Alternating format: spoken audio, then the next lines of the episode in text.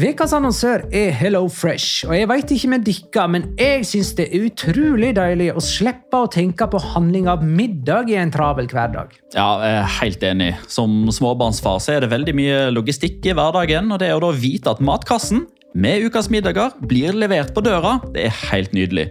Da slipper du impulskjøp på butikken når blodsukkeret er lavt, og når du kommer hjem, kan du bare ta ut posen med dagens ingredienser fra kjøleskapet og sette i gang matlaginga. Ja, Du kan velge mellom 25 ulike retter hver uke. Og de har faktisk en egen kategori som heter Raskt og enkelt, med masse enkle og gode oppskrifter. Veldig greit å ikke måtte ty til takeaway hver gang det er hektisk på jobb. Jeg gleder meg spesielt til sterk chilikylling i min neste kasse. Jeg blir sulten bare av å tenke på det. Ja, Det er ikke feil med bacon og cheeseburger heller, da. Og det som også er bra, er at matkassen koster det samme hver uke, som gjør det enklere å holde matbudsjettet. Ja, og så blir det ikke matsvinn heller, fordi du får akkurat det du trenger til hver eneste rett. Hello Fresh kan absolutt anbefales, og bruker du koden vår, LIGALOCA, kan du få opptil 1779 kroner i rabatt på de fem første matkastene hvis du ikke har prøvd Hello Fresh tidligere. Du kan også prøve koden hvis du har avslutta abonnementet ditt for tolv måneder siden eller mer. Gå inn på hellofresh.no og bruk koden LIGALOCA. Bon appétit! Hallo? Jeg kommer fra Oslo politikammer. Ine Jansen er purk. Er du purk? The motherfucking bitch. Alt jeg vil, er å finne ut hva som skjedde med mannen min. Jon Carew. Er jeg sikta for noe? Iben Akeli. Det er du. Ole So, Lars Berrum og Big Daddy Karsten. Hvem sin side er du på, egentlig? Anette Hoff, Tone Danielsen, Kommer du fra Afrika? Jørnis Josef, Nesten. Kløfta. Trond Espen Seim. Det er synd å si det, men det var feil mann som døde. Purk. Premiere tirsdag på TV2 Play.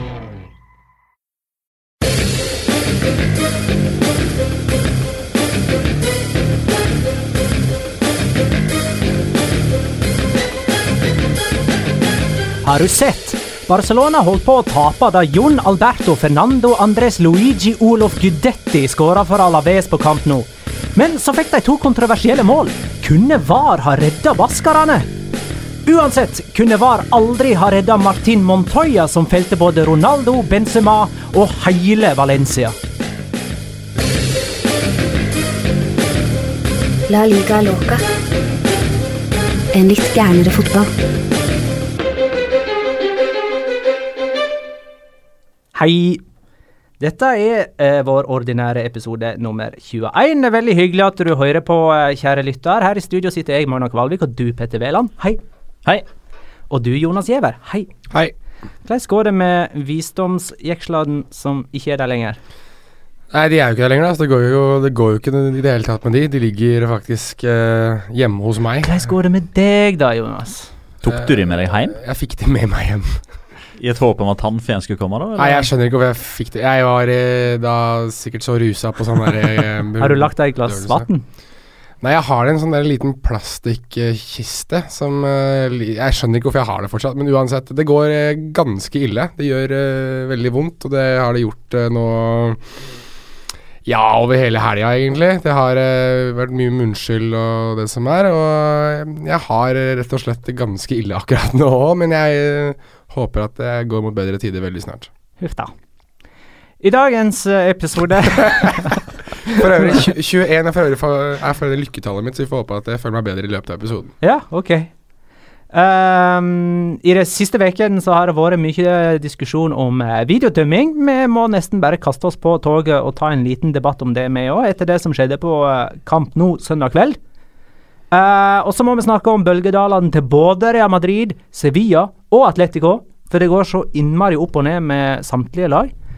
Uh, og så har uh, den har det kommet en ny, eksport, en ny eksportartikkel fra La Liga til Premier League i løpet av de siste timene før vi gikk inn i studio. Eimerik Laporte har gått til Manchester City fra Atletic. Vi er nødt til å snakke litt om han og om overgangen. I tillegg så skal vi tippe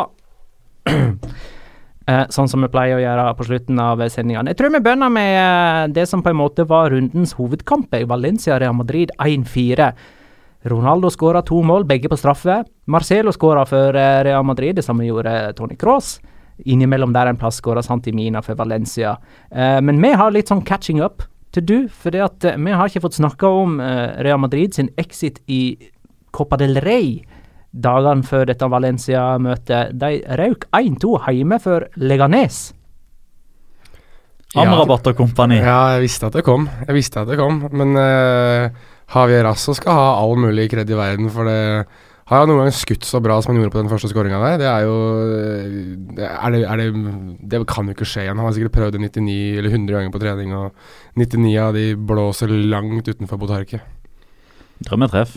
Ja, jeg, vi kommer aldri til å se det igjen, tror jeg. Uh, men nei. Jeg holdt, jo, jeg holdt jo på å si underveis i kommenteringa Nei, hva er det du gjør?! Altså, ja. Da må du ta med deg ballen nærmere. Mm. Men, uh, Litt fascinerende at han uh, kommer alene med keeper og skyter fra 25 meter. ja, egentlig. Det var noen som så forresten det bildet av Ashraf Hakimi og Nordin Amrabat, som for øvrig hadde Ashraf, Stakkars Ashraf Hakimi, det er vel den verste kampen jeg har sett i en høyrebekk. Å oh, nei, vent! Martin Montoya klarte å gjøre det enda verre bare noen dager etterpå. Men uh, nei, det bildet av Nordin Amrabat og Ashraf Hakimi Det er uh, strengt tatt Ashraf Hakimi ligger vannrett i lufta, mens Nordin Amrabat bare drar han med seg bortover. Mann mot gutt. Krigselefant mot uh, babar, eller noe sånt noe. nei men all, all honnør til Leganes. Fortjente seieren. De jobbet og sleit, uh, sleit, seg inn, så det er gøy. Det er gøy når underdogen slår litt fra seg. Det blir jo sammenligna med um, Alcorcon, eller Alcorconasoen, som uh, det heter, fra 2009, dette her. Uh, da ble det jo 4-0 til Alcorcon i første kampen på deres heimebane. Nå er det Jeg liker best å kalle dette for Pepinaso. Mm. Oi, god den. Ja, mm. de er sånne agurkedyrkere, disse her Leganes. Pepinero. Så Pepinaso, den tror jeg kommer til å bli sittende igjen, altså. Men det er et eller annet merke med Real Madrid som klarer det, å bli slegne ut av sånne der smålag. Eh, på tross av sitt Galactico-stempel. Det der skjer liksom aldri med Barcelona. Nei, og det er jo bare til å se på cuptitlene i uh, favør Real Madrid og favør Barcelona de siste ja, skal si 20 sesongene. da. Det er vanvittig overtak Barcelona, som har vunnet tre på rad, som ligger godt an til å ta sin fjerde på rad nå, og som som da helt åpenbart enten er i stand til å motivere seg mer til sånne type kamper, eller så har de bredere stand generelt sett, eller så er de bare rett og slett flinkere til å uh, typ prioriterer underveis. Uh, jeg syns det som er den store tingen å ta Real Madrid på her, eller Zidane for å ta han, da, det er jo lagoppstillinga og prioriteringer. Mm. Altså, man spiller på hjemmebane mot Leganes, man har 1-0 å gå på. Normalt sett så er det avansementet mer eller mindre i boks. Mm. Men Real Madrid anno januar 2018 er ikke normalt sett. De har allerede tapt mot Real Betis, mot Villarreal på hjemmebane. De har fått uh, tyn av Barcelona. De har ikke klart mer enn 2-2 på hjemmebane mot Numancia og Fuenlabrada, selv om de vant bortekampen. Med, i de to siste kampene her, da, samme type lag uh, som mot Leganes, bare at mot Leganes spilte man med et par uh, ekstra forsterkninger. Og da er man altså i utgangspunktet da tre kamper unna en finale. Mm. Og så sparer man spillere til en kamp som kommer tre dager etterpå, mot et Deportivo-lag som ligger under streken i en turnering der man ligger 19 poeng bak lederen. Som man ikke under noen omstendighet klarer å vinne. Det skjønner jeg ikke. Nei, jeg... Men kan det være at uh, det var på en måte en uh, uh, En litt akilles for Real Madrid at de vant det første oppgjøret mot Leganes. For uh, hvis de hadde tapt det første oppgjøret mot Leganes, så hadde han sikkert stilt toppa lag og vunnet 6-0. Ja, det kunne ha gått. Ja, ja. Undervurdering på høyt nivå er det ikke enkelt å si. At man ja. trodde at man kunne sette inn for Og det her har jo vi snakket om flere ganger at har skjedd denne sesongen her. At de tror at de er bedre enn de er, kanskje, eller at de undervurderer motstanderen og stiller et uh, svekket lag. Og så har de kanskje kavet seg til en 1-0-seier, eller kavet seg Eller ikke kavet engang, men falt og avgitt poeng.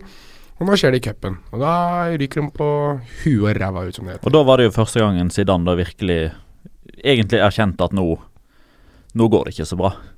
Eh, vanligvis har han liksom bare vært sånn Ja, nei, men som du sa, Magnar. Altså, nei, nå får vi en mulighet til å slå tilbake igjen og vise at nå kan vi ta tre poeng etter tap. Men det var liksom første gangen han sa at ja, dette her er min feil. Her gjorde vi feil. Eh, han brukte ordet frakaser, som vel er en form for type skandale eller stor feil.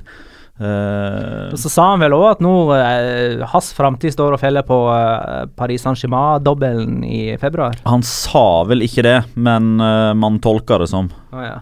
Man har vel nesten innsett at han ikke kommer til å sitte til neste år uansett. Nei, det tror jeg ikke. Det tror jeg ikke. Nei, eh, Martin Ruud spør jo har Zidane fått sparken ennå. Uh, for nå har jo Mitchell fått Ja, ja, ja. sparken. Vi Eh, bytter ut den, ja. Men uh, er vi nå alle tre i studio enige om at Zidane eh, er i sin siste sesong? Nei, jeg står fortsatt på det. Hæ? Hva du sa nå? Hva du sa for fem sekunder siden? Jeg står fortsatt på at han ikke er inne i sin siste sesong. Du tror han fortsetter etter neste ses- eh, etter sommeren? Ja. Syns du sa i stad at han kom til å få sparken til sommeren? Nei. Å nei. Hva jeg hørte der, da? Jeg hørte det samme som Magne Gjorde ikke du? Har det. jeg sagt at Zidane kommer til å få sparken til sommeren? Nei, at, han ikke kommer til å fortsette etter sommeren. At det, uansett om han får sparken eller går, da. Ja, Da svarte jeg feil på spørsmålet med, med et ja eller i stedet for et nei. Ja, greit. Uansett, du tror at han, blir, at han er Real Madrid til neste sesong. Jeg og Ja. Magne tror ikke det. Ja, okay. Og det var det jo for ei uke siden òg. Ja, Så du har ikke endret deg på en uke? Nei, jeg Nei. har ikke endra meg. Nei, jeg har ikke endra meg. ja, jeg, Dette er som et intervju med Sindin Sedan, det her. det uh, merkelig vending. Det, jeg, det blir gøy å høre på opptaket og hva som faktisk ble uh, ordleggingen her. Men uh, i alle fall, da, så løfter de seg voldsomt til uh, hvis, hvis vi skal legge den Leganes-kampen bak oss For um, det, er, Det er nesten ei uke siden. Leganes møter for øvrig Sevilla nå i, eh, i semifinalen. Eh, men så får eh, Real Madrid et kjempeløft med 4-1-seier mot eh, Valencia.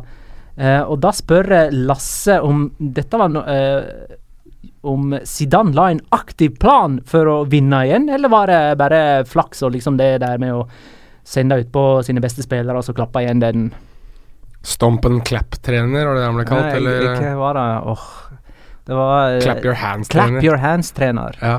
Nei, jeg, jeg syns ikke de var noe gode mot uh, Valencia egentlig heller. Jeg. Sånn, ikke før mot slutten, når det åpna seg bakover. Den skåringen til Marcello er jo Altså Det er jo høy, høy klasse. Og egentlig også Tony Cross sin. Ja, den er altså fin, men kontringen eh, før straffe, før første straffe, er også Real Madrid 2016-2017-ish.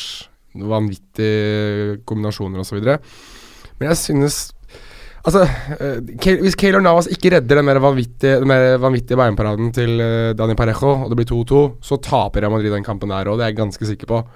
Så um, Litt marginer i- denne gangen for eh, Real Madrid, men samtidig, jeg synes ikke 4-1 reflekterer kampen noe særlig. Jeg synes hadde det blitt 2-2 3-2 til Real Madrid, 3-2 til Valencia, så hadde det vært riktig begge alle de tre resultatene. Der kan du bruke det begrepet som du brukte forrige episode. Flatterende. Yes. Ja da, det var litt flatterende. Det var det. Men eh, all ære til Real Madrid. Altså, de har jo en ting som vi også kan si, er at det, er jo mange ganger hvor, hvor marginen har gått det, altså imot dem. Uh, hvor det har vært stang ut istedenfor stang inn. Det har vi snakket om før. Denne gangen her så gikk jo veldig mye av det som kanskje har gått ut tidligere, gikk inn.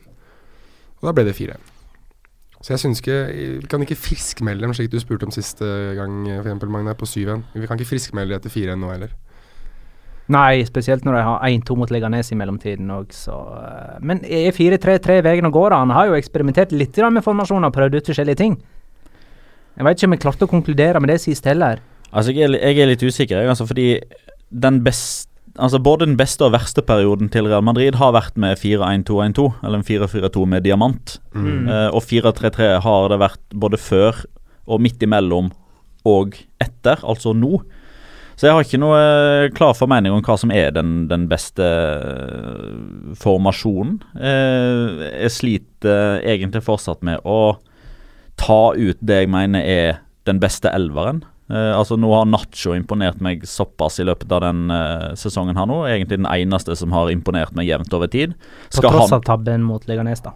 Ja, men den man deler med Hakimi. Ja, ja. Eh, og liksom Er det Nacho, er det Varan, er det Ramos? Uh, hvilke to av de tre skal starte når man uh, topper laget? Har man plass til Isco? Har man plass til Ascencio? Hva slags type fotball skal vi spille? Må jo Real Madrid tenke, fordi hvis man har Isco, og, spesielt Isco og Ascencio på banen, så blir det ikke like mye kontringsspill som eksempelvis hvis man har Gareth Bale, hvis man, hvis man skal utnytte spillerne maksimalt. Så det er jeg faktisk litt usikker på, om, eh, om 4-3-3 liksom er, er svaret. Apropos Isco. Håvard Nordås spør eh, Vinner Real Madrid bare når Isco ikke spiller? Eh, svaret på det er nei. Men Real Madrid har ikke vunnet en seriekamp med Isco fra start siden 25.11. To måneder. Spilte Ronaldo fra start da? Jeg vet ikke om du kan sjekke det, men uansett. Nå? Nei, den kampen de vant den gang. Mot Malaga? Mot Malaga, ja. Ja, den spilte han fra start. Okay. Han spilte den. Nei, jeg, jeg, jeg synes bare det, der, det aspektet der er spennende, om, om eh, Ronaldo og Isco-aspektet. Hvor mange de, hvor mange de har starta sammen i år, og hvor mange Real Madrid har vunnet og tapt og spilt uavgjort. ja, så eh, de kongene de har vunnet med Isco, så har ikke Ronaldo starta? Bortsett fra den mot Malaga. Ja, jeg, jeg vet ikke. Jeg er vel litt sånn, eh, litt sånn konspirasjonsteori, eller sånn Fahrenheit 9-11 med, med Isco og Ronaldo. Om det er noe som ulmer der. Eller, eller egentlig så er det vel Jeg vet ikke om de har dårlig stemning seg, seg imellom, men jeg, jeg tror bare at de to spillestilene ikke komplementerer hverandre spesielt bra. Spesielt, I hvert fall ikke over lengden. For begge vil ha ball, begge vil kjerne med kula og være den som er eh, midtpunktet i, i angrepet, være den som skal, alle skal se til. Og det tror jeg ikke passer de. Så um, jeg tror at uh, Isco og Ascencio f.eks. har en bedre dynamikk seg imellom, og jeg fikk jo tyn um, fra Jeg fikk jo faktisk uh, Jan Åge Fjørtoft via karantene under uh, Viasat-sendingene nå i helga, fordi jeg våget å si at Real Madrid kanskje burde vurdere å selge Cristiano Ronaldo til sommeren for å dyrke den Isco Ascencio-linken litt bedre. Så da håper jeg at dere er litt mer mottagelige til den påstanden enn det Rune Bratseth og Jan Åge Fjørtoft var. Du blir ikke sendt på dør av meg, i hvert fall. Ikke meg heller. Men skjer ikke det allerede onsdag, da? På overgangsmarkedets siste dag med Neymar i retur? Ja, spesielt to uker før de skal møtes. eh. Eh, men han får bra drahjelp om dagen, da, Cristiano Ronaldo, med skåringen fra straffemerket. Han er jo først i alt. Jo, men den første fremprovoserer han jo sjøl. Ja, ja, ja. Det skal vi ikke glemme. Halvparten av målet. Fire av åtte har kommet på straffe, inkludert den returen mot uh, Malaga. Mm. Det hjelper, det der, ass. Gode straffer nå òg. Hæ? Det var straffe. fine straffer. Det er jo historisk nå. Ingen som har tatt flere straffer enn han i La Liga gjennom historien. Gikk forbi Ogo Sanchez. Har han skåret flest år, da? eller? Mm. Ja. Så Penaldo får faktisk uh, Men litt eh, vann på mølla. skal, vi, skal vi ta en yay eller nei? Uh, Skåra Chris Er dette den første Real Madrid-sesongen for Cristiano Ronaldo der han skåra færre enn 20 seriemål? Nei. Nei. Yay!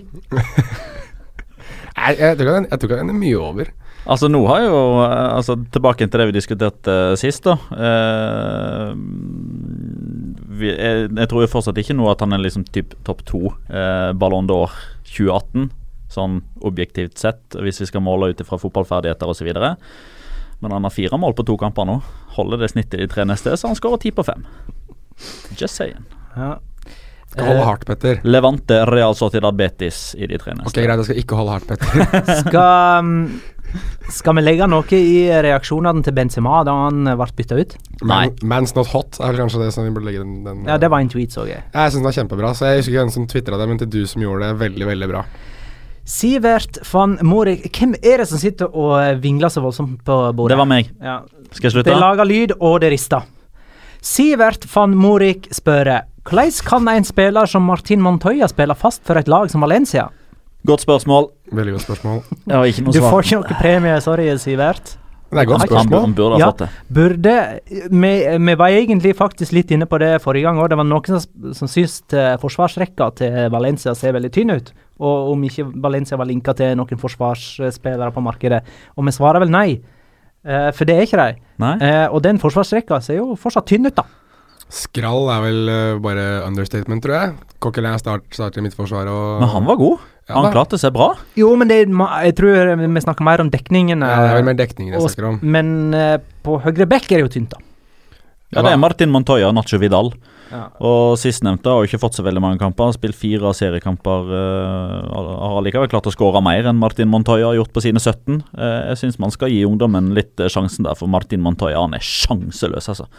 Det sier sitt når Valencia-supportere sitter og bortimot krangler på Twitter om hvem som var verst av han og Antonio Barragan når han var i Valencia. Eh, det er der lista ligger. Nei, jeg vet ikke Men høyrebekken har jo egentlig vært et problem veldig lenge for Ja.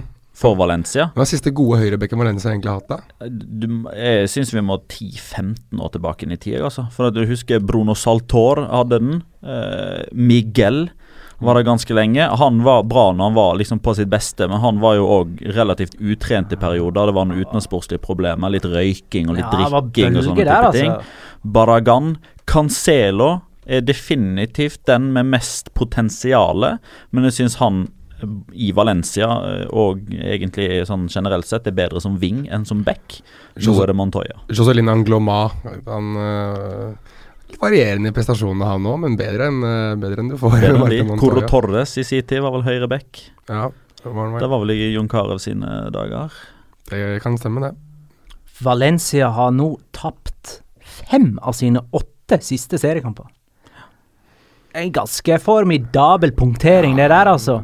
nå er det to poeng framfor Real Madrid, som har en kamp mindre spilt. Men Real Madrid møter jo Leganes i hengekampen, og så vi kan bare ta for gitt at eh, det forblir to poeng. Men bare ta neste lag på tabellen òg, mens du er i gang. Villarreal, eh, tenker du bak Real Madrid nå? Tre poeng bak Valencia nå. Ja. Villarreal? Mm. Ja, har du sett? De eh, er sesongens store positive overraskelse. Men kan komme tilbake til det. der de skal. Jeg synes Det morsomste er at dette er første gang jeg tror vi har hørt uh, Magna kjøre 'Har du sett?' i løpet av episoden. Så det, ja. det, dette er bra. Stort øyeblikk. Men eh, fortjent seier da for Real Madrid, eller? Selv om eh, de, de ikke imponerer. Fortjent, men det er liksom Det er så vidt fortjent. De, ja, jo, jo. Men det er liksom de, de har de avgjørende marginene med seg. Altså Ja. Eller Valencia ødelegger litt for seg sjøl. Det har de egentlig gjort eh, to seriekamper på rad nå. Eh, på Las Palmas, eller I Las Palmas på Gran Canaria så ødela de for seg sjøl med utvisninger. Eh, spesielt Gabriel, eh, men òg Ruben Weser, som gjorde det vanskelig for de å komme tilbake igjen. Og de to straffene til Montoya nå. Ja, Eh, og det at Parejo ikke klarer å overliste Kelo Navas. Ja, det er en fantastisk redning, men Parejo har veldig mye tomrom å treffe der, altså. Ja. Helt enig. Det er, det, Valencia har i det siste vært et eksempel på dette ordtaket om at du blir ikke bedre enn ditt svakeste ledd. Den svakeste spilleren ødelegger hele kampen for Valencia eh, i flere kamper på rad nå. Gjør Som det. er Gabriel Paulista som ble utvist. Eh, Montoya som nå feller to spillere i 16 meter. Og da, da, da går ikke det. Og akkurat nå så kom nyheten om at uh, Gonzalo Geders, som gikk av banen i pausen, er muskelskada og sannsynligvis ute i noen uker igjen. Tøft for Valencia som møter Barcelona i Copa del Rey semifinale allerede kommende torsdag. Barcelona Alaves 2-1. Jon Gudetti sendte Alaves i ledelsen. Sensasjonelt. Herlig skåring. Med høyre via venstre og i mål. Suárez uh, utligna, eller var det Piqué? Messi satte inn et frispark til 2-1, og dermed tre nye poeng til Barcelona. Skal vi ta og diskutere litt VAR på den der? Videodømming. Hvis det hadde vært videodømming i denne kampen, hvordan hadde det arta seg? La oss si førsteomgangen gikk helt uh, knirkefritt. Skjedde ingenting eh, nevneverdig der. Eh, Gudetti skåra og, og var på egen bane alene idet han ble spilt igjennom, så det var ikke noe offside. Så det er ingenting å si på det. Men så skjer det ting i andre omgang. Det er spesielt tre episoder. Utligningen til Barcelona, der skyter Suárez via hånda til Piquet og i mål.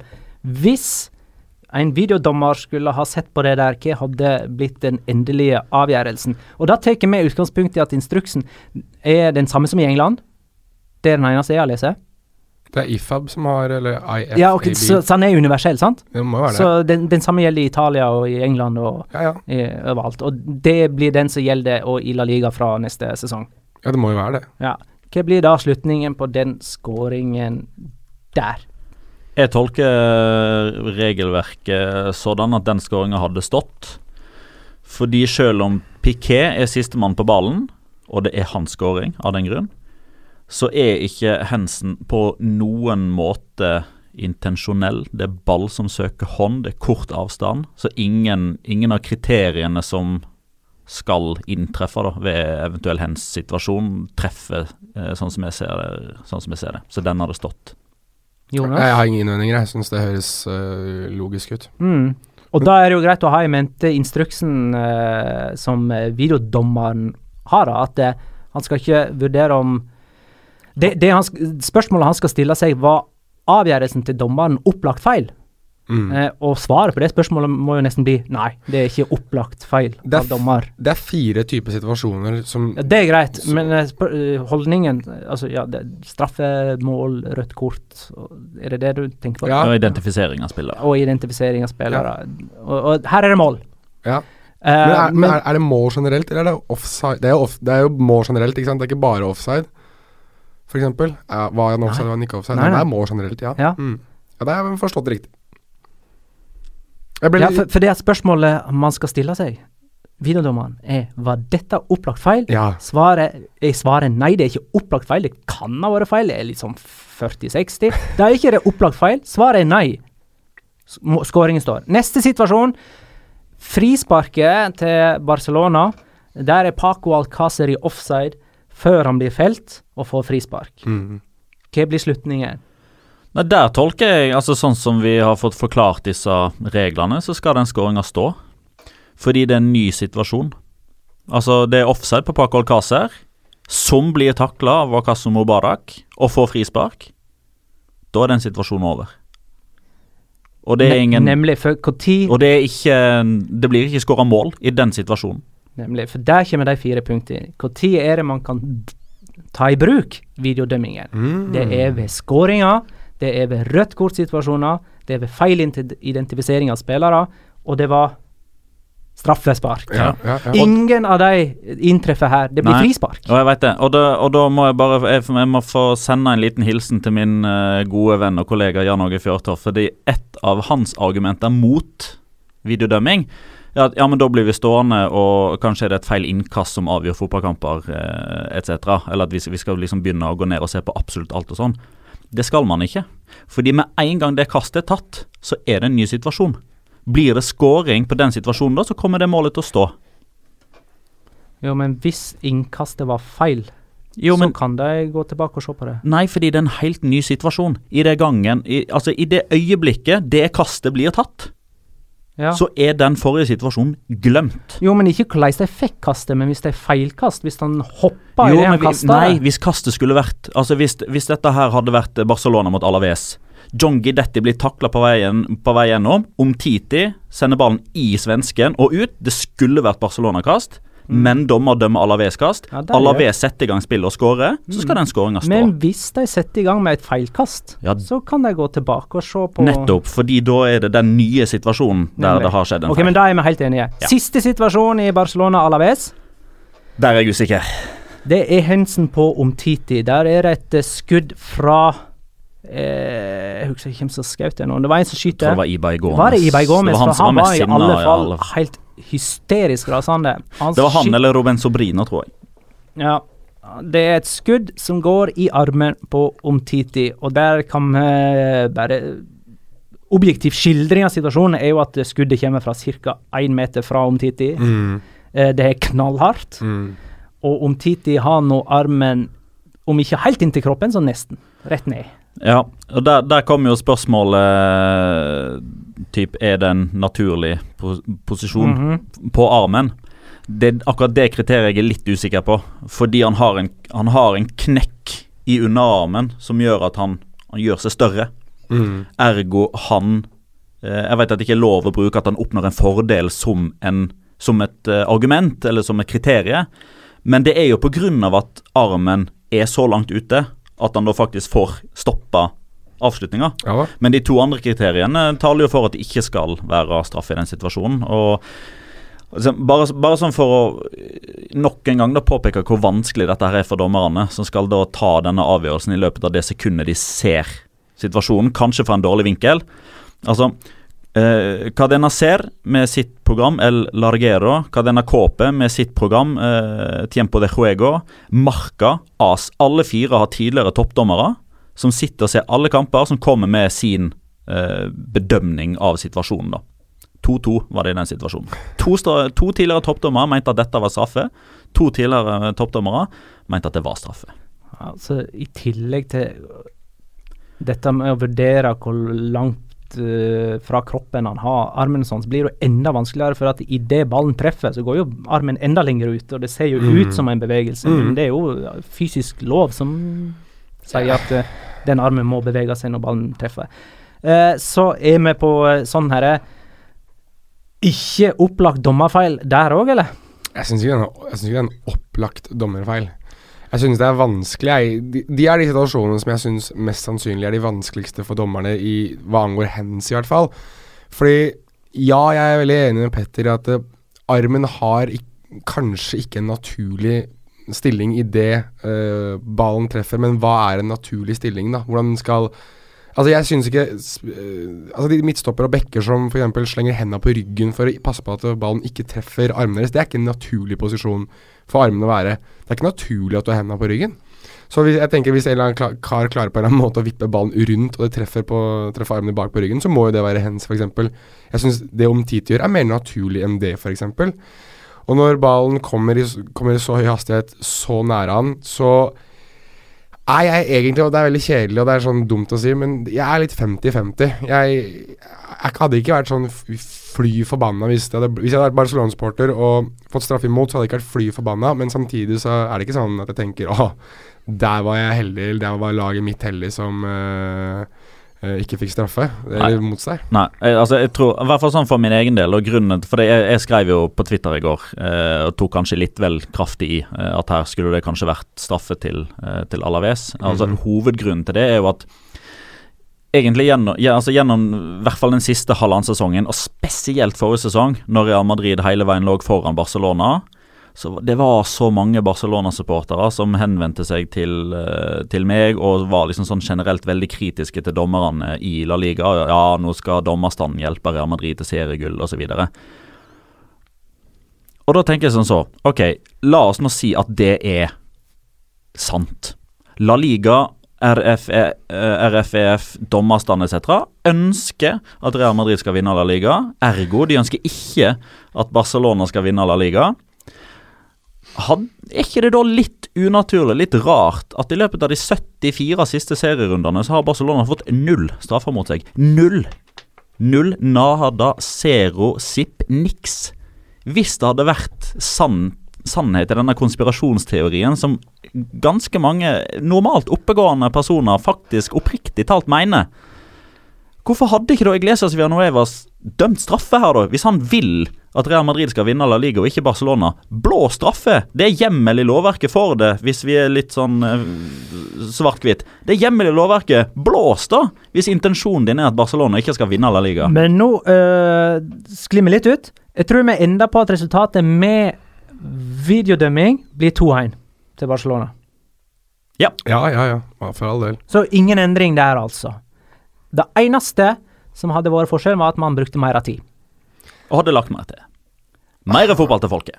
Ja, men Hadde man lagt mer Altså, man hadde kanskje Men ja, OK, da, da hadde Det Vi nærmer oss nå Fotballkamper nærmer seg sånn 1 time og 50 minutters lengde. Kjempebra. Jo mer fotball vi får, jo bedre. Det er det store Altså- ankepunktet for de som er imot uh, videodømmingen. At det Ok, tar ikke så lang Hei! Jeg heter Jens. Jeg elsker fotball, men jeg hater at kampen varer fem minutter til. det er vel, det er vel ikke det man er mest irritert over. Det er vel det at det tar så ekstremt lang tid med disse videoene. Hva var det på Anfield? kan Det var tre og et halvt minutt fra Vi, Altså, vi regner jo på det da jeg satt i Jo, studio. men det altså- var ni, jo, altså, ni minutter. Hør nå. Ni minutter. Hør nå. Alle, alle de som har Twitter, gå inn på kontoen til en Twitter-bruker som heter Thomas Høy. Han kaller seg for I Prima Punta. Se det klippet som han har lagt ut fra eh, en Roma-kamp. Kan ha vært mot Fiorentina, tro. Se den spenninga som bygger seg opp etter at Federico Fasio har satt inn det man først tror er en matchvinnerskåring på overtid. Så får man videodømming. Se den spenninga som er. Der man lurer.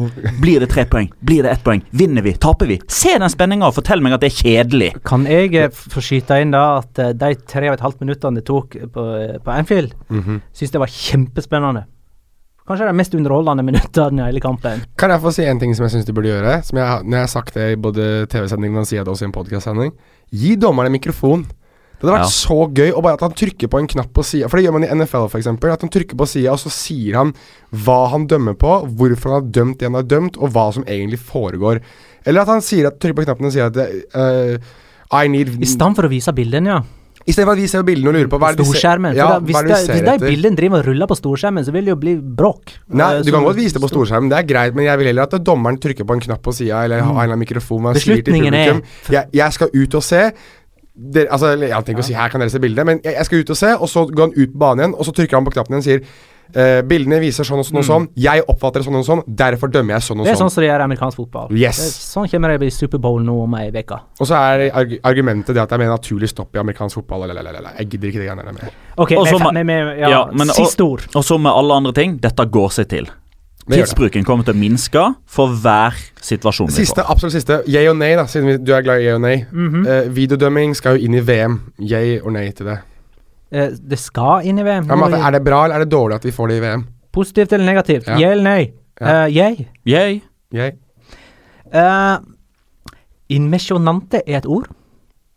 Ja, Det må vi, bra, det må vi huske å påpeke av. Vi uh, sa vel noe om det i forrige episode, Det at det, eh, det finnes et ord uh, å slatanere. mm -hmm. uh, fordi at Zlatan har vært så god, og i det svenske språket finnes det altså et ord for det å være god på Zlatan-vis. I den spanske ordboken eh, så er det faktisk noe som heter inmesjonante. Mhm. Som skal bety noe sånt som den perfekte måten å spille fotball på. Det skildrer den beste spilleren i historien. Så hvis det kommer en spiller etter Messi, som er den tidenes beste spiller, så vil han være inmesjonante. Ja, inntil han selv blir et eller annet. Ja, men det må jo nesten bli sånn. Eller så må de finne et nytt ord for han nå. Og da har- blir uh, inmesjonante vil jo da i så fall gå ut. Jeg lurer på om de har noe sånt i Portugal på Cristiano Ronaldo? På portugisisk? Det lurer jeg litt på. Det spørs. Uh, vi har fått mange spørsmål om Coutinho.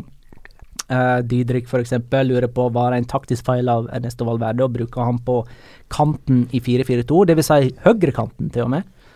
Uh, Karsten med Q legger jo til at eh, det er jo en posisjon han aldri spiller i. Jeg skjønte ikke.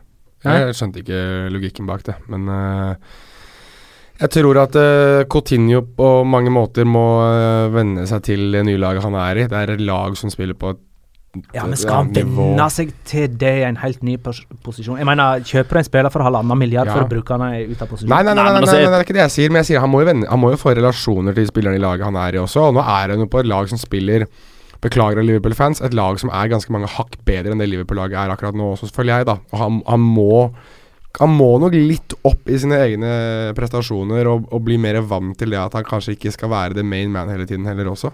Og så litt tilbake til den, eh, den diskusjonen vi hadde når han ble klar, da, med, med hvorfor velger Barcelona og Coutinho gjøre dette nå.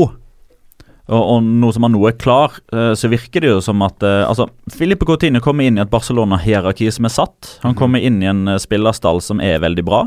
De kommer inn i en klubb som har strålende resultater, som allerede har et seriegull langt ned i lomma. Og han kan ikke spille Champions League for de. Derfor så tror jeg, sånn på generelt grunnlag, da, så blir våren 2018 om ikke et prøveprosjekt, så tror jeg Ernesto Valverde kommer til å bruke våren, dvs. Si La Liga-kampene, på å finne ut på best mulig måte hvordan han kan få Coutinho til å være så god som overhodet mulig som Barcelona-spiller fra og med august 2018. Og Da blir Coutinho en av 22 mann som blir vurdert. Han blir ikke sett på som noe spesiell. Eh, jeg tror ikke de har et formål om at eh, vi skal få Coutinho til å være så god som overhodet mulig så fort som overhodet mulig, på bekostning av alt annet. Det tror jeg bare blir ødeleggende. Og da blir eh, totalvurderinga for eh, Ernesto Valverde anno søndag 28.1, hjemme mot Alaves, med fire dager til en bortekamp mot Valencia, at i dag så spiller vi inn gjester fra start. Vi spiller Rakitic fra start. Vi spiller Paulinho fra start. Vi hviler Busquets. Vi lar Paulinho og Rakitic spille sammen sentralt på midten, se hvordan de funker. Andres gjester må ut mot venstre. Messi og Suárez har lyst til å spille, så da spiller de. Og så har jeg lyst til å gi Coutinho sjansen fra start. Da er det høyre, da er det høyre midtbane som er ledig. Og da er ikke det sånn at jeg tolker det dit hen at da skal Ernesto Valverde framover nå forsøke å spisse Coutinho inn i en sånn høyrekantrolle. At det er det han ser for seg. Men det, det var det det ble nå. Det funka ikke all verdens. Jeg tror ikke vi kommer til å se det så veldig ofte igjen. Barcelona lå under 1-0 til pause og sleit skikkelig mot eh, Alaves. og Er ikke det da litt interessant at det første Valverde retter på, det er bekkene? Han tar ut både Dinje og Semedo og setter innpå Alba og Sergi Roberto. Er det på en måte den mest avslørende posisjonen Virker nesten i sånn. Barcelona? Virker som det har blitt en sånn slags avslørende posisjon i La Liga denne sesongen her. Martin Montoya i Valencia, altså de to Ja. bekkene i, i Barcelona og uh, Ashraf, Hakimi i Real Real ja. Madrid. Ja. Så det er uh, backposisjonen er tydeligvis mye mer viktig i dagens fotball enn vi skulle tro, kanskje. Ja, men så var det jo, Hvis man så på lag og stillinger, da, så var det jo tre mann som var ute. Det var Busquets, Alba og uh, Sergi Roberto. Så når man da sliter og ligger unna til pause, så er det jo naturlig at da hiver man inn De som man mangler. de som mangler. Og i denne kampen så var det backene.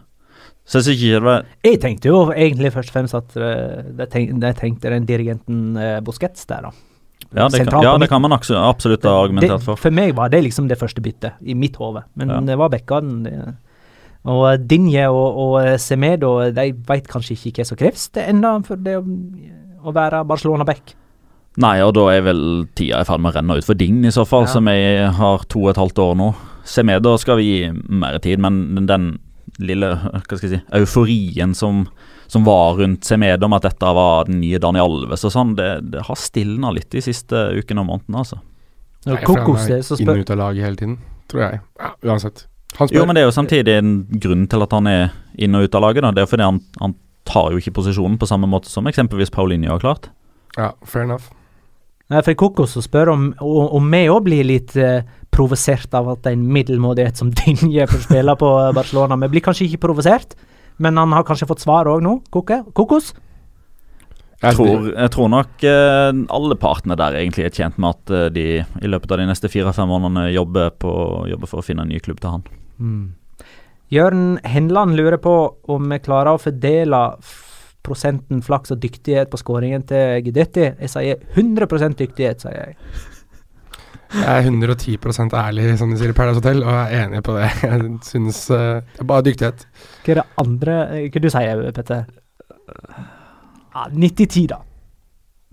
Han har, 95-5? han har jo griseflaks, da. Nei, nei, nei, gjør det mulig, vet du. Nei, men eh, Hvis han gjør det én gang til i løpet av våren, så skal jeg bøye meg i støvet og si greit, det Hva- der mente han. hva er best, eh, hva er best av avslutninga til John Gudetti, eller spansken til John Gudetti etter kampen? Spansken. Ja. Definitivt spansken. Jobb, eh, pappa, ayer, segunda vuelta. Det er da veldig Google Translate. Er det Jeg ble Segunda Vez han prøver å si? eller? Nei, jeg ble, jeg ble pappa i går for andre gang. Ja, ja. Ja, men Segunda vuelta. Segunda vuelta.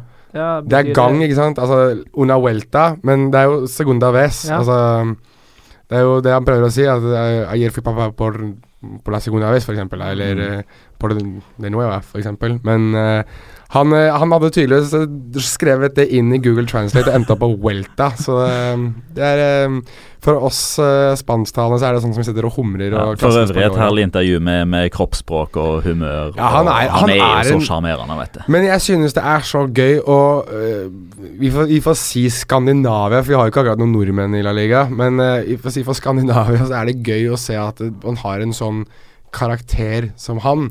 For han er utrolig morsom og likende, og så er han Han er så lidenskapelig. Så Nei, jeg øh, John Gudetti i Alaves som spiller fotball og virker tilfreds med livet og får barn og klager på dommer og det som er, det er øh, nydelig. Messi skåra frispark. Det har han en tendens til å gjøre. Det er ikke så lenge siden sist. Det var mot Real Sociedad som var forrige. Ja, to uker siden. Eh, Flytt deg, Romo Roli. rolig Sjøl syns jeg at eh, det første frisparket mot Alaves var, var det beste. Men det klarte Ja. faktisk Pacheco å redde. Og så syns jeg Pacheco virker å ha litt grann svakt håndledd på det andre. Han er borti ballen. Han fikk en litt sånn mistenkelig knekk i Ja, det håndleddet. var egentlig litt sånn snodig. Men greit. Barcelona Alaves 2-1. Elleve poengs forsprang har Barcelona nå ned til Atletico Madrid, som slo Español 3-0.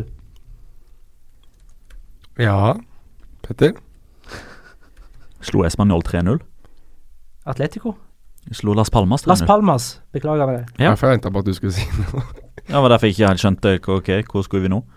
Skal til, vi skal til Atletico Madrid mot eh, Las Palmas 3-0. Ja. Eh, Som alltid, Las Palmas ødelegger for seg sjøl, og Atletico Madrid ligger tett kompakte. Det blir lite, lite arbeid for Jan Oblak i sin 100. La Liga-kamp. Og Atletico Madrid flinke da, til å slå på kontra og utnytte feilene til Las Palmas. hvordan er de der eh, lurte på Jeg så at du, du er jo så glad i Jan Oblak, og det er vi vel egentlig alle her. Men eh, den statistikken hans etter 100 La La Liga-kamper, hvordan var den? Den er 54 baklengs, 59 smultringer. så Helt sinnssykt. Han har sluppet i mål i bare 41 41 av 100 kamper. Det er ganske sinnssykt, altså. Mhm. Det er vel bedre enn De Gea, Casillas, Valdes bedre enn alle andre. Ja. Bedre enn alle andre. Torres uh, skåra og er oppe i 99 mål i La Liga. Mm. Han sier jo etter kampen hver kamp er spesiell, fordi jeg vet det kan være min siste. Men nå må det jo ikke være det. da. Han må jo få runda 100 mål, i alle fall. Skal vi prøve å stikke huet fram da og spå at den 100. La Liga-skåringa kommer mot Deportivo i 30. serierunde? OK. Det, det skal vi legge på minnet. Um, Det er glemt etter denne episoden er det. Ja, det er det. ja, det, det er en grei ting å glemme. Griezmann sin scoring er nydelig, syns jeg, da. Ja, fin den. Den er eh, litt sånn eh, throwback, flashback til eh, da han virkelig var i superslag og ledet linja og var eh, kongen av Madrid. Ble spilt gjennom uh, av Juan Fran etter å ha bua løpet sitt, og bare durer forbi det som er av eh, Ja, det er en ekstremt høy linje Las Palmas, selvfølgelig. Paco Gemes elsker jo de. Og så bare en enkel liten chip eh, i mål. Nydelig, nydelig scoring. Men er det så enkelt å forklare dette med at de slo Las Palmas, eh, eller eh, var det på en måte et bedre Atletico enn det vi har sett i det siste? Altså, de tapte begge kamper mot Sevilla i Copa del Rey. Hva skjedde der? Tok ikke Simione sjølkritikk eh, etter det nederlaget? Han ble jo vist bort og hele pakka han var 14 på Ramón Sánchez Pijuan. Ja, ehm, altså til, i, I motsetning til Zidane, da, som etter eh, Leganes-tapet tok på seg skylda uh, og på mange måter argumenterte litt for det, så var Zidane, nei, Simione sånn at eh, ja, vi tapte, og det var min feil. Og det var det. Han forklarte liksom ikke hvorfor Nei. eller Det var heller ikke noen åpenbare grunner. Jeg tror, jeg, jeg tror egentlig det som så at hadde Diego Costa vært frisk, så kunne Atletico Madrid gått videre. Så Men han var ute, og da røyk de ut. Og han var også ute mot eh, Las Palmas, derfor brukte de eh, en time på å skåre det første målet istedenfor en halv time. Er han tilbake mot Valencia, eller? Det skal han være.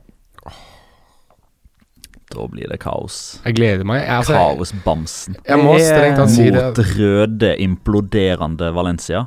Jeg må, altså, det er like gøy hver gang Diego Costa spiller fotball nå. Altså. Det er så gøy. Det er så moro, for du vet at det kommer til å skje et eller annet. Du kommer til å sitte og enten le deg forderva eller sitte og si at Hva var det som skjedde der? Det er så gøy. Nei, gud bedre. La Liga ble så mye bedre med Diego Costa igjen. Det er litt spesielt med Atletico. eh, De er fremdeles nummer to. Elleve poeng bak Barcelona, seks poeng framfor Valencia. De, måte, de er på en måte i uh, nummer to i sin egen liga, uh, og har bare ett tap. Men de har altså sju uavgjort. Det er bare Atletic og Levante som har flere uavgjort enn Atletico. Um, Håkon Nyhus uh, lurer på, ettersom Coutinho fikk nummer eh, 14 i Barcelona, betyr det at nummer 7 blir uh, holdt åpent til Grismann? Ja. Det tror Ja. jeg. Det, det, det kan virke sånn, altså. Uh, altså Jeg har alltid tenkt at eh, ok, hvor skal de få disse pengene fra? Uh, Dembélé 150, Coutinho 160, Griezmann 100. Det er greit at Neymar gikk uh, ut for 222, og at de får 10 eller noe sånt for uh, Mascherano og, og uh, kanskje noen grunker for Deolofeo nå i løpet av de siste dagene. Men, men dette er altså en klubb der ganske mange sterke kjennere rundt om allerede før Coutinho, Dembélé, Neymar-transaksjonene var litt sånn småbekymra for Barcelona sin økonomi. Eh, I hvert fall hvis man sidestilte det med, med PSG og Manchester City, som nå er den nye pengeeliten, som har gått forbi Real Madrid, Barcelona og Manchester United, med tanke på hvor mye de kan bruke på overgangsmarkedet.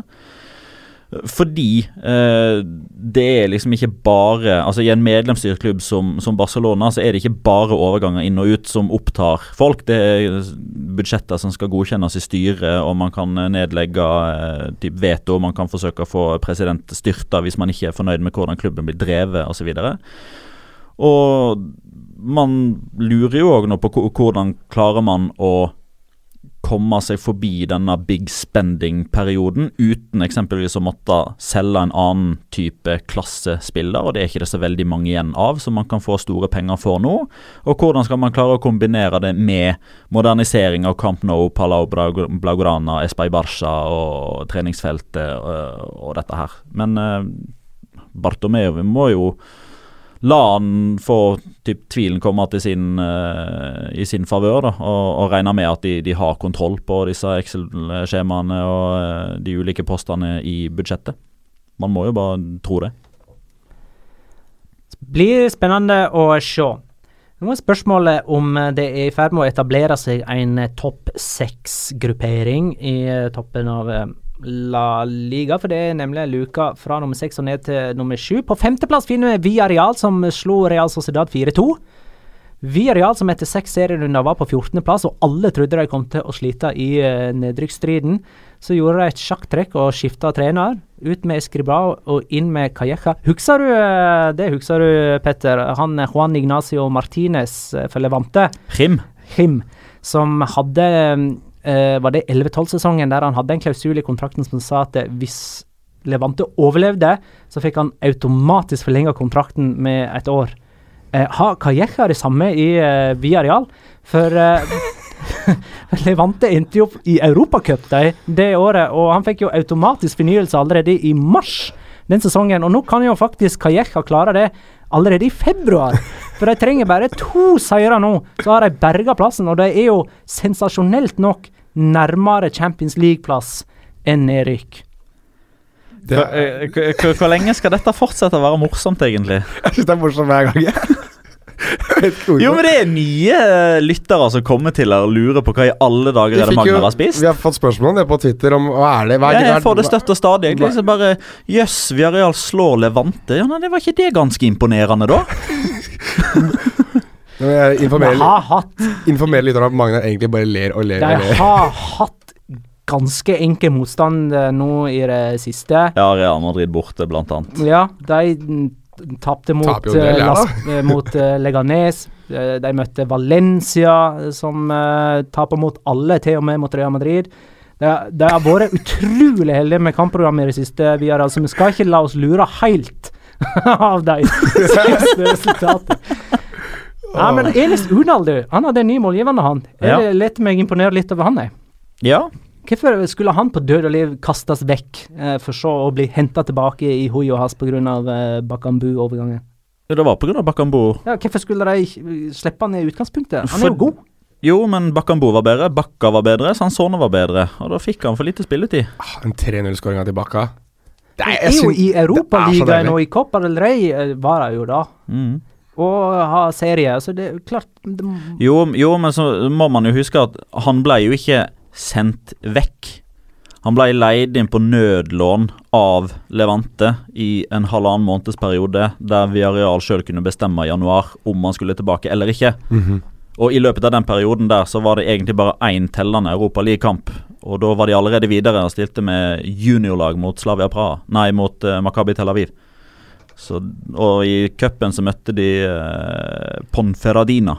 Og spilte ikke neste cupkamp før etter 1. januar. Så lei av at eh, Daniel Raba ble utvist, så Rabagasten. Ja ja, men det, det er jo greit å kunne hente tilbake en sånn en, da. I alle fall hvis han holder eh, nivået videre. Det andre laget som ligger der og vaker, er Sevilla. Uh, Henrik Glimo Hansen sendte en uh, tweet til oss rett før helga. Montell, Montella var ikke sjanseløs likevel. Tre solide kamper på rappen for Sevilla nå. Getafe og Eibar i de to neste burde gå bra. Og så kom Getafe. Og det burde gått bra. Det burde gått bra. Så ble det altså selvsagt poengtap på Ramón Sánchez Pijuan. Og nå prøver ikke jeg å hindre, eh, hindre, henge ut Henrik. Poenget er bare at eh, Henrik skrev det veldig mange tenkte, meg sjøl inkludert.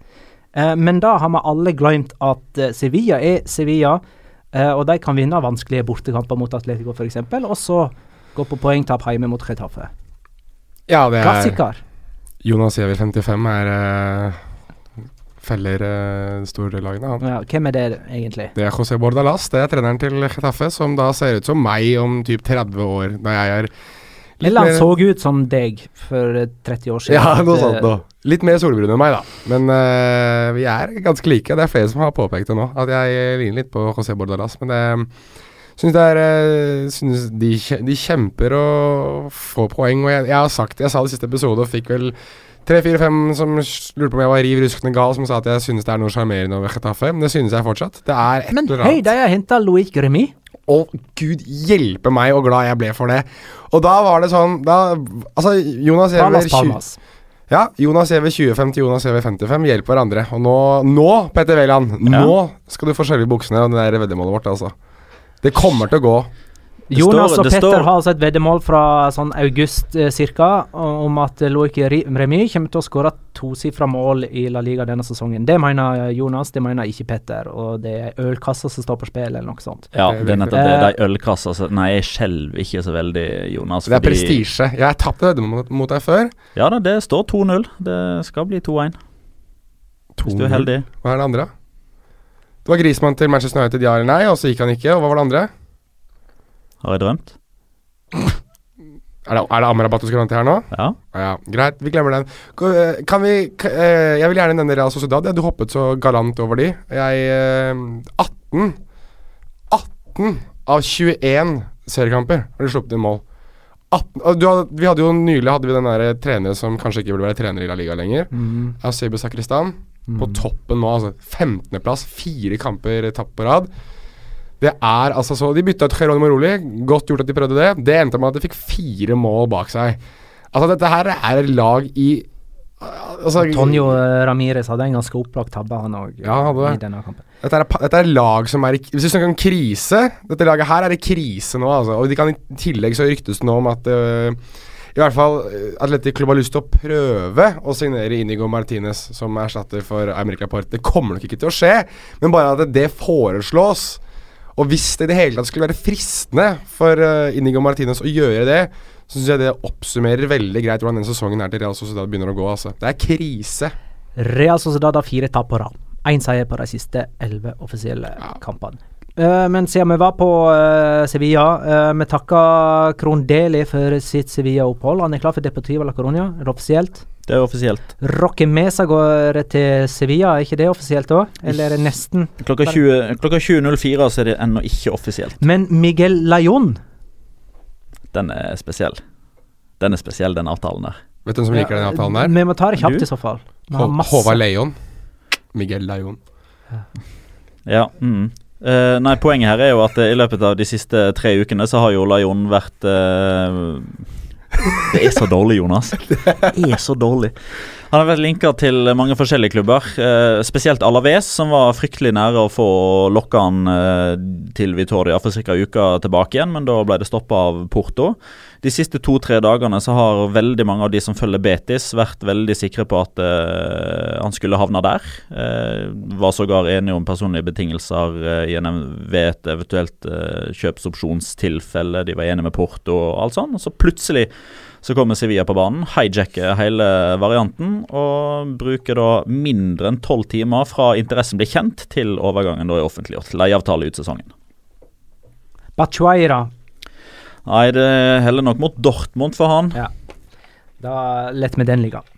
Uh, jeg tror vi skal bare fise videre nå og eh, ta dette her. Men det er jo en annen ting uh, som vi må nevne når vi er inne på overganger. Ja, OK. Mal Malaga har leid inn Brown i Ideie. De vil rykke ned, de. Altså, ja Mm, Nja. Kjempegod for Olympiakos, da. Olympiakos Klarer han å prestere i Olympiakos, så bør han iallfall gjøre det bedre enn det Malaga-spisserne har gjort til nå. Vi kan touche inn på Malaga seinere. Men nå dette. La Liga Loca finstuderer. Nordin Amrabat. Ja, vi går inn på runden sånn for øvrig. De andre kampene. Leganes Español 3-2. Birger spør hvordan kan en så god spiller som Amrabat ikke starte hver kamp for Leganes? Det som skjedde, var at eh, på stillingen 1-1 i det 60. minutt kom Amrabat inn. Få minutter senere leda Leganes 3-1. Så fikk Español et reduseringsmål på slutten. ved Hermoso, som fullførte hat sitt. Men Og mer om det etterpå. Hva skal vi si om Amrabat Jonas? Jeg så ikke kampen, jeg. Så, men du så ikke kampen? Nei. Men Men, jeg- men, men- du kan sikkert bare anerkjenne at han er ikke Vet du er jeg- så gal. Er dette litt sånn I didn't see the incident? I didn't see the incident. Uh, nei, jeg Men én ting jeg, jeg har sett målene, uh, og jeg vil jo si faktisk til Nordin Amrabats forsvar Han burde vært notert for en scoring. Fordi Hadde den gått inn? Ja, jeg tror den ballen der det blir kreditert bare som for, til lytternes informasjon, det blir kreditert sjølmål av Ja. Hermoso, hans andre sjølmål. Det er et innlegg fra venstre som Amarabat slår inn. Det er da uh, Mario Hermoso som setter den i eget mål, men hvis du ser ballbanen på den, så er den på vei mot mål.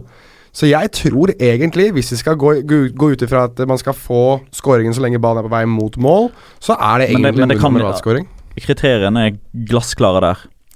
Det kan ikke være noe som helst tvil. Nei, men tok jo, nei, men altså Ut ifra de vinklene vi får Jeg, jeg, jeg har tenkt det Ja. samme om at ja, det kan se ut, men det er dersom at det hvis som at det skruen fortsetter eller blir større eller noe sånt. Man kan ikke, ut ifra de TV-bildene man har, og det er det eneste man har å, å, å gå etter Man kan ikke si 100% sikkert at den ballen hadde gått i mål. Ja, det er greit, Ergo det- så er det et sjølmål. Kan godt ta vekk den skåringa fra Amrabat, det, det er helt fint for meg. Jo, men, men er på, på, på samme måte som at man tar, tar bort skåringa fra Suárez. Det er ikke Suárez som skårer mål, det er Piqué. Men det Og er vi må ha universelle kriterier. For Hvis ikke så får vi en ny situasjon der Marca kårer Cristiano Ronaldo til, eh, til toppskårer fordi han skyter via PP, og ballen går i en bue ut av stadion og inn igjen i mål, og Marca gir det til Cristiano Ronaldo. Jeg er Ronaldo. helt enig, Petter. Ikke skåring mot Norden Amrabat. Flott. Ja. Men eh, han, eh, han har jo også en eh, Vi snakker om krigselefantsøyeblikk, så jeg vet ikke om noen la merke til den, for den så jeg på høydepunktene. Da var Marc eh, Navarro, som for øvrig hadde en flott scoring for eh, for Español var, var igjennom, Han kom gjennom på høyrekanten litt senere i kampen etter skåringen sin. Og Da er han på vei til å gjøre litt det samme, det å skyte i korthjørnet. Men ut fra intet i, i billigkanten så kommer da Nordin Amrabat i 120. Bare suser inn i boksen og holder på å løpe over eh, Navarro og det som er av Leganes-spillere. Bommer på alt som er. Og står liksom med, med hendene oppe og sånn Å, hjelp! Jeg, jeg tok faktisk ikke å løpe over noen allikevel. Og så når ballen der ender opp i intet, så står han og ser bort på dommeren og liksom er sånn Å, det ble ikke straffe. Nei, det blir ikke straffe. Nei, greit, ok. Og så fortsetter spillet. Så han det, jeg tror han begynner å skjønne det selv nå, at nå må jeg roe meg litt ned. Høydepunktet i kampen eh, går til det det. Hermoso, som uh, skåra to sjølmål. Espanjolspilleren, altså. eh, og ett i den rette eh, retningen. Hans sin form for hat trick. Atletic Eibar 1-1.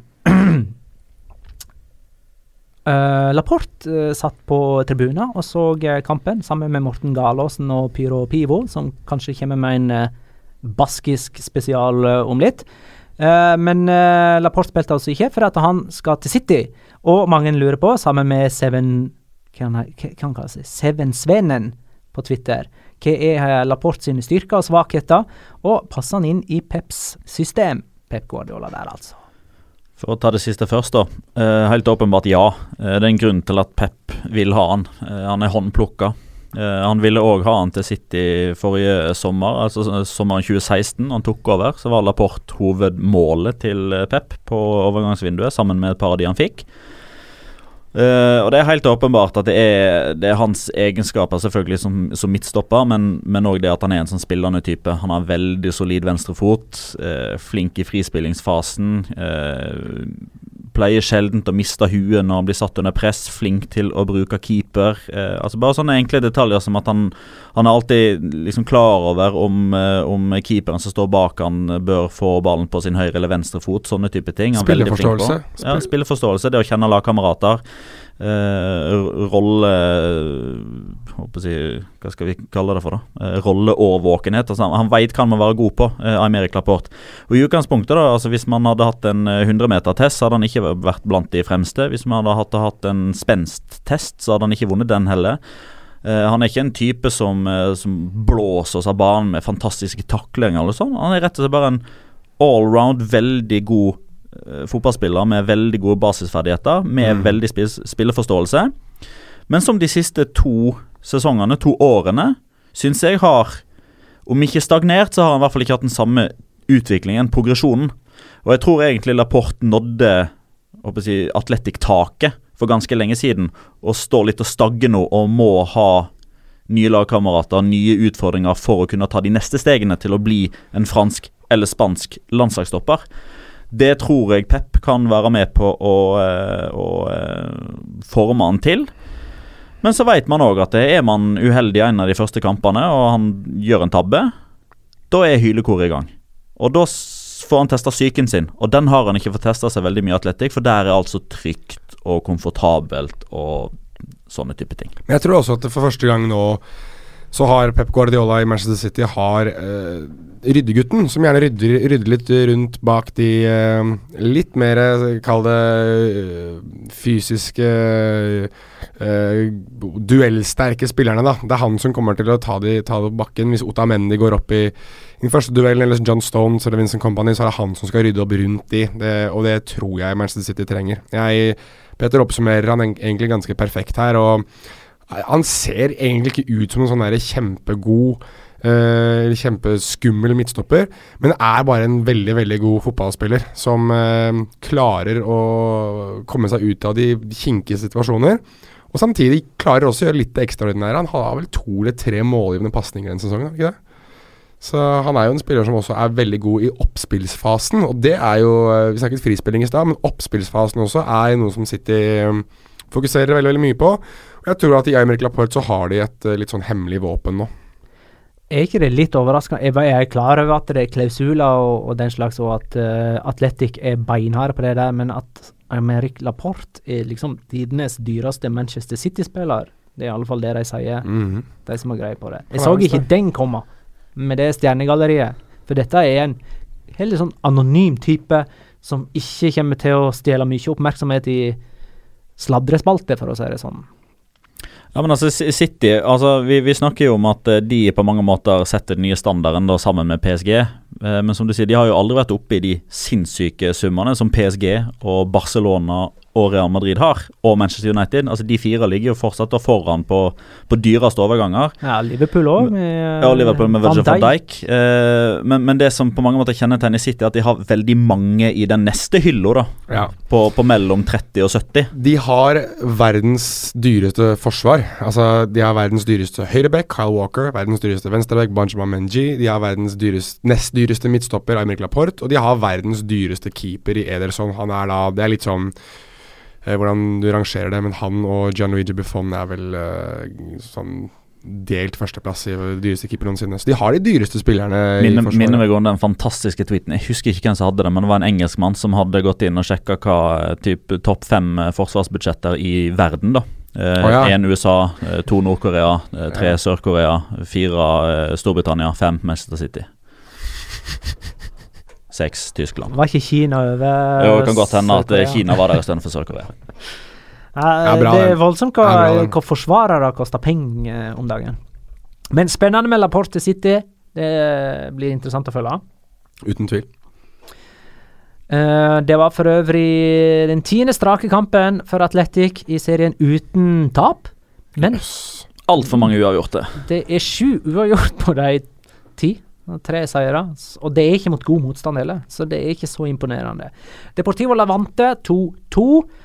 Den beste kampen denne runden. Mm, Celso Borges ble utvist for uh, Deportivo. Det synes jeg var På stillingen 1-0, og så økte de til 2-0, og så kom Levante tilbake etter det. Syns du utvisninga var rar? Den var litt merkelig. Første soleklar trøyeholding, andre albue?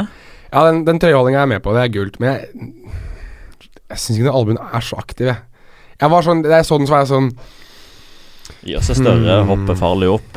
Hmm. Ja, men jeg, jeg, ja, jeg satt liksom ikke og Jeg syntes det var rart. Men anyways, det, det får være min mening om det. er sikkert en eller annen dommer som har lyst til å peke meg ut og si at jeg ikke kan noen ting om fotball. Deportivo med seks seriekamper uten seier. Levante med ni. Det måtte jo bli uavgjort i det kamp i det oppgjøret der. Jeg har aldri sett noen så glad for å skåre mål som det Ivi Lopez var den kampen. Ja, men den var fin, den uh, skåringen uh, som ikke gikk via. Altså 2-2-målet. Ja, ja, ja. Mm. Malaga Girona 0-0. José Gonzales ny trener for uh, Malaga uten at uh, de ser noe særlig piggere ut. Men uh, de har altså signert en ny spiller. Brown Ideye. Mm. Um, Vi har det egentlig sagt. Det. Ja, altså Imponerende målsnitt for, for, for klubber i um, OK ligaer. Eh, imponerte ikke sånn veldig mye i West Bromwich. Jeg antar det er der du har inntrykket ditt fra, Jonas?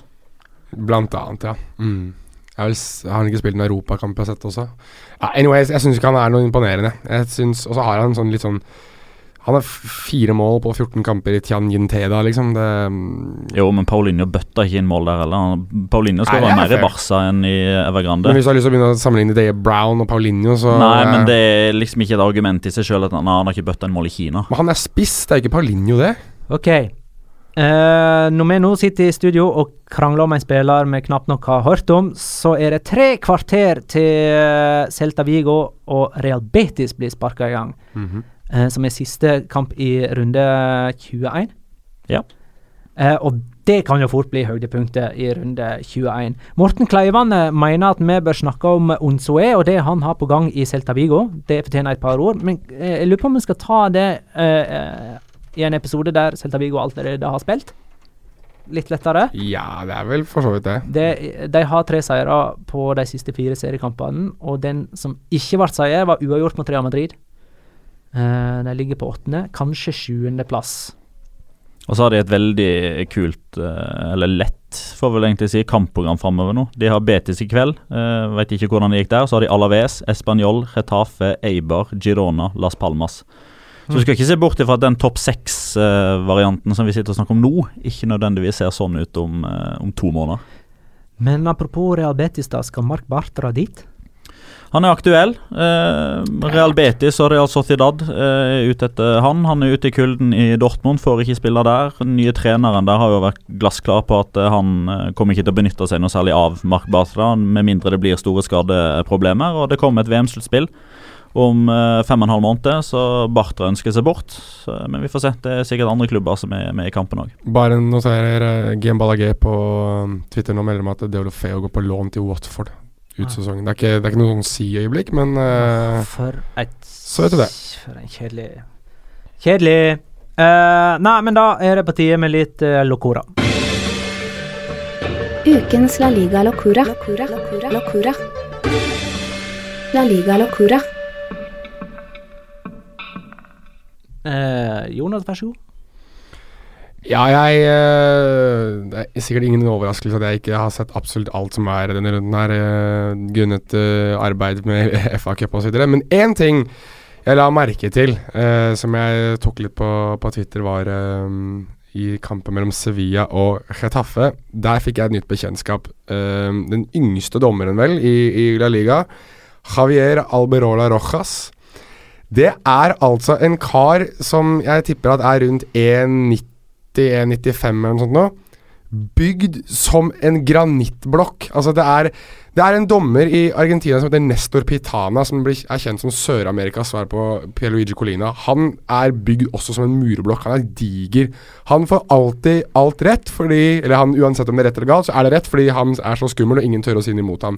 Jeg fikk litt samme følelsen av Javier Alberola Rojas, selv om han ser ut som han har fire år i ansiktet. Han ser ut som en guttunge som har tatt steroider. Det er helt latterlig. Og gjorde veldig mye riktig i kampen òg. Kanskje han er det. Kanskje. Han er 26 år gammel, bare. Han var fire år på overtid, iallfall. Ja, det kan godt være. Men uansett, jeg eh, fikk i hvert fall litt sånn bakoversveis da jeg så eh, det, det, det steroidebarnet, holdt jeg på å si. Sånn Han har ei smal midje, og så er Der har vi overskriften. Steroidebarnet. ja, helt, altså, han var Jeg var så overraska over den typen her. Men, jeg, men uh, som sagt, eh, morsomt bekjentskap og kanskje en ny sånn dommer som vi kommer til å notere oss uh, sammen med Monuera Montero og selvfølgelig Mateo Laos. Petter. Du, Det blir egentlig eh, den første drøye halvtimen av uh, Villarreal, eh, Las Palm, nei, Villarreal mot eh, Real Sociedad. Eh, for nå er det nå engang sånn at nyttår byr på nye muligheter. Og for undertegnede så har det betydd at jeg er på slankeren, så nå eh, driver jeg av og til når jeg ser fotball, så er jeg på tredemølla samtidig. Eh, prøver jo fortsatt å la myten eh, leve om at det, det eneste Petter Wæland gjør i løpet av ei helg, er å se på fotball, men nå gjør jeg faktisk ting samtidig.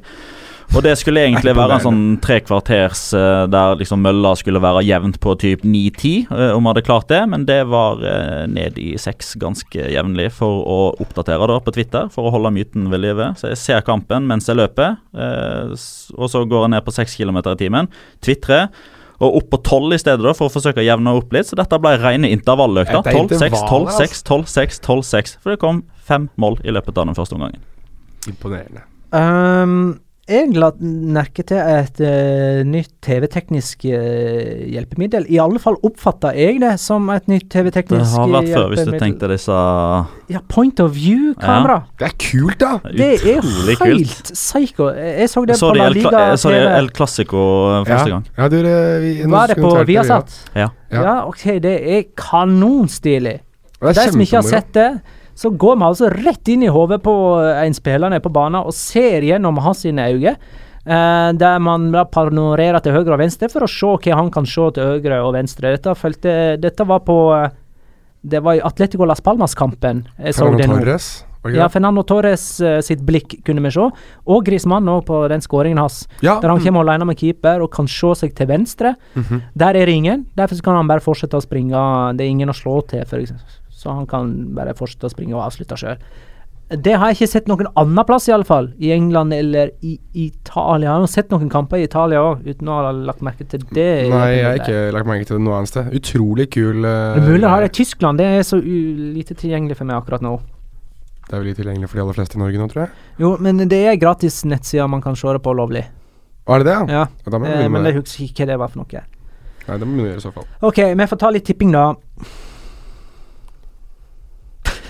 skal vi si noe òg, mener du? Vent, jeg skal bare notere meg et tidspunkt. Uh, det forrige kampen vår var Valencia-Real Madrid. Petter tippa 2-2 med Sasa som målskårer. Null poeng til Petter. Står på fire. Jonas tippa 2-3 med Bale som første målskårer. Det er ett poeng for å ha riktig vinner. Opp på tre poeng. Jeg hadde 0-2 med Bale som første målskårer. Ett poeng til meg òg. Opp på to. Neste kamp Atletico Madrid-Valencia, søndag klokka 20.45. Petter, som leder, skal tippe først. 1-0 Diego Costa. 1-0 Costa. Jonas? Uh,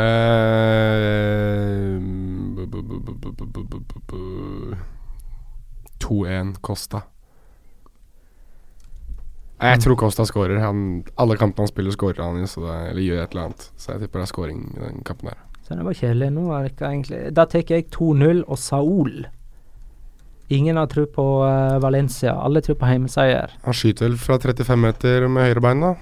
Han pleier å skåre i Burde sånne kanskje si store, tradisjonen viktige tro kamper. her. Hva hva sa du for noe? Unnskyld. Han pleier å skåre i sånne store, viktige kamper. Ja, er ikke det en ganske stor og viktig kamp? da? Jo, det er derfor jeg setter han opp. Tradisjonen tro, så i eh, 35 meter høyrebeint. Ok, kjære lytter, ikke glem at eh, Copa del Rey blir rulla videre denne veka her. Onsdag Leganes Sevilla, første kamp altså mellom dem. Og torsdag Barcelona Valencia eh, på kamp Mm. opp igjen neste veke. Har vi sagt det som skal sies? Det er mye annet, men jeg har så moden i munnen at jeg vet ikke om jeg klarer det denne gangen her. Eh, altså, jeg uh, runder bare av med å takke for alle innspill og spørsmål vi har fått uh, til denne episoden òg. Oh, kan jeg spørre om en ting som jeg lurte på? Har vi Mhm. fått noe, noen bedre forslag til uh, tippinga vår? Ikke fått nye forslag, iallfall ikke på Twitter. Nei, men da kan vi oppfordre folk Ja, men vi trenger flere forslag om hva vinnere eller tapere må bli premiert eller straffa med i denne tippekonkurransen. Da er jeg med. All right. Skal du eh, ta sånne likes? eh, Ah, ok, greit, da. Kjapt. Uh, ja, igjen, gå inn på Facebook, like uh, La Liga Loca Pod, Twitter at La Liga Loca Pod, følg oss, vær så snill. Gå inn i iTunes, legg igjen en vurdering og skriv en liten review. Uh, skriv 'god bedring', Jonas. Takk. Det er veldig hyggelig, faktisk, dere som gjør det. Kan si god bedring, for det gjør utrolig vondt i grann her. Creativemidfielder.co.uk, der kan du kjøpe T-skjorter. eh, gå ned i La Liga Loca, design, kjøp, vær så snill. Jeg har så vondt, bare runde av, vær så snill. Ha det, da.